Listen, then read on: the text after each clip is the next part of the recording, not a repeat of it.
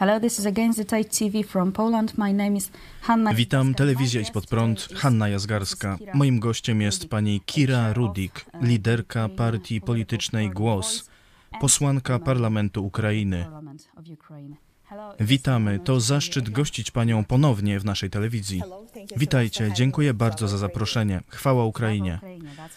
Chwała Ukrainie, tak jest. Spotykamy się z wyjątkowej okazji. 24 sierpnia Ukraińcy świętują Dzień Niepodległości. Mija też dokładnie sześć miesięcy od ataku Rosji na Ukrainę.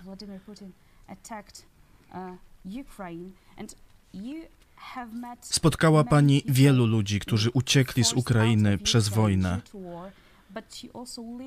Ale mieszka Pani w Ukrainie i ma Pani też na co dzień kontakt z Ukraińcami, którzy zostali w swoim kraju. Jak ocenia Pani stan narodu ukraińskiego teraz, po sześciu miesiącach wojny?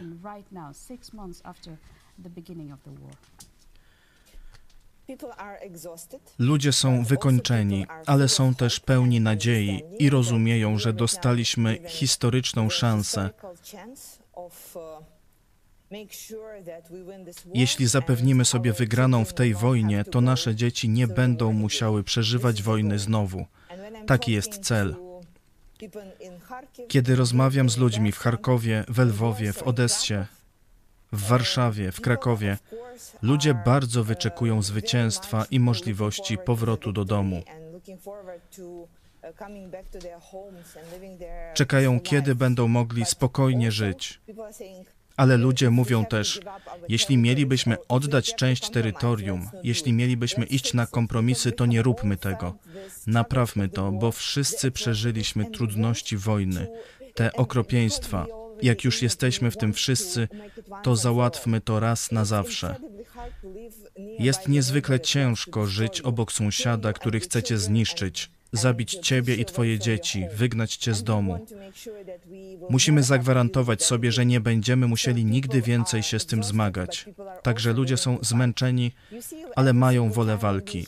Widać to za każdym razem, gdy słyszymy o postępach armii ukraińskiej na wschodzie i na południu kraju. Ludzie są bardzo szczęśliwi, bardzo się cieszą, są zachęceni. Wierzę, że mamy w sobie wolę nawet jeszcze większej walki.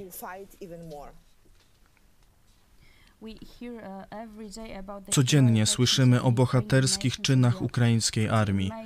Jesteśmy zachwyceni tym, co robicie przez ostatnie miesiące.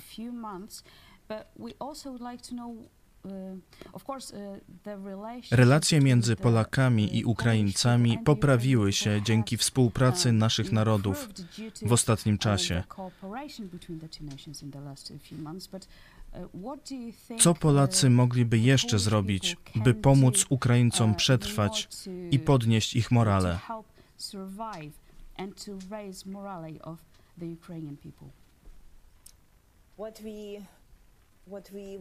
To,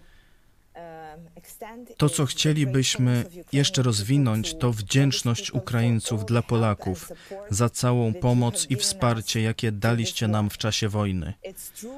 To prawda, że prawdziwych przyjaciół poznaje się w biedzie, ale wy jesteście dla nas więcej niż przyjaciółmi. Wyciągnęliście do nas rękę, kiedy to było najbardziej potrzebne i zawsze będziemy to pamiętać. Teraz jest taka sytuacja, że uchodźcy, szczególnie kobiety, muszą zmierzyć się z perspektywą, że wojna nie zakończy się dziś ani jutro. Muszą zajmować się dziećmi, dlatego wiele z nich uciekło z Ukrainy. Muszą myśleć o kolejnym roku szkolnym i zapewnić edukację swoim dzieciom, aby Ukraina miała przyszłość. Dlatego najważniejszą rzeczą po dostawach broni i wsparciu ekonomicznym jest zapewnienie, że wszystkie ukraińskie dzieci, które obecnie, że tak powiem, odwiedzają Polskę, będą mogły kontynuować edukację. To jest dziwne, że mamy już dzieci, które nigdy nie były w szkole, a są już w czwartej klasie.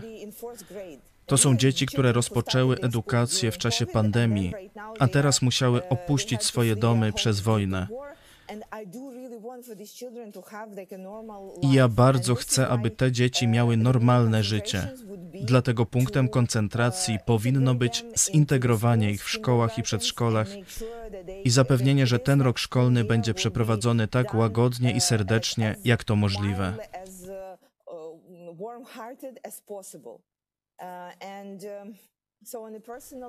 Teraz osobiście.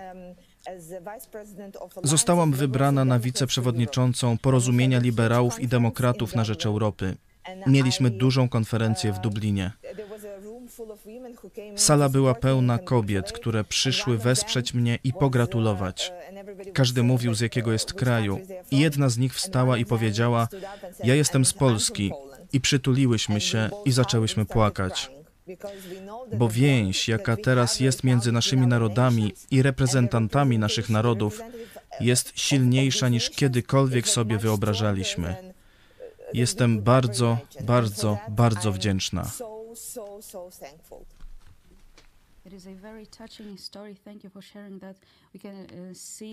To bardzo poruszająca historia. Dziękujemy.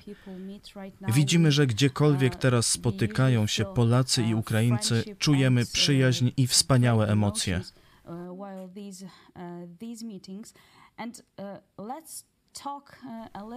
Powiedzmy trochę o kwestiach politycznych, o szczeblu rządowym.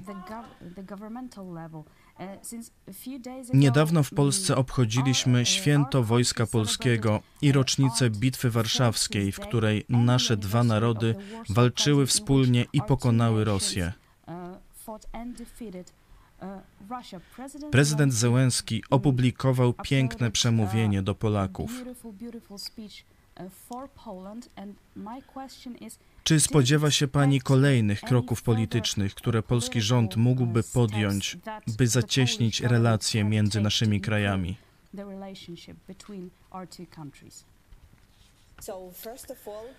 Po pierwsze, chcę dołączyć do gratulacji, które prezydent Zełenski złożył polskiej armii.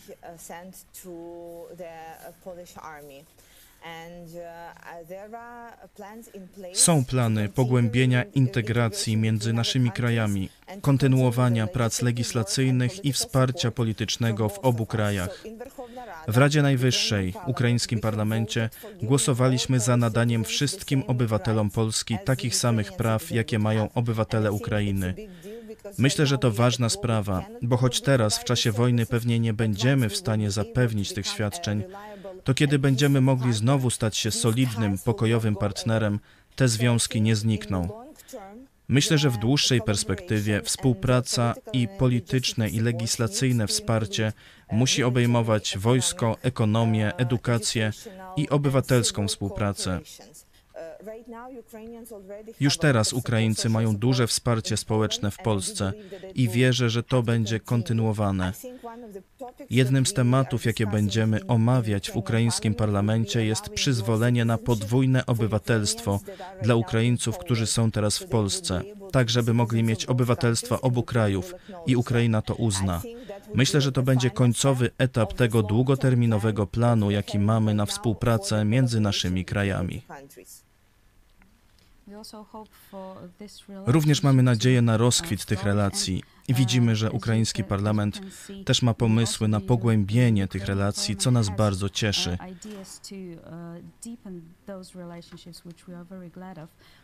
Bardzo dziękuję za tę rozmowę.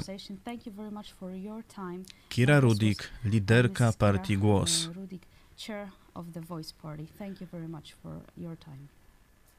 Dziękuję bardzo.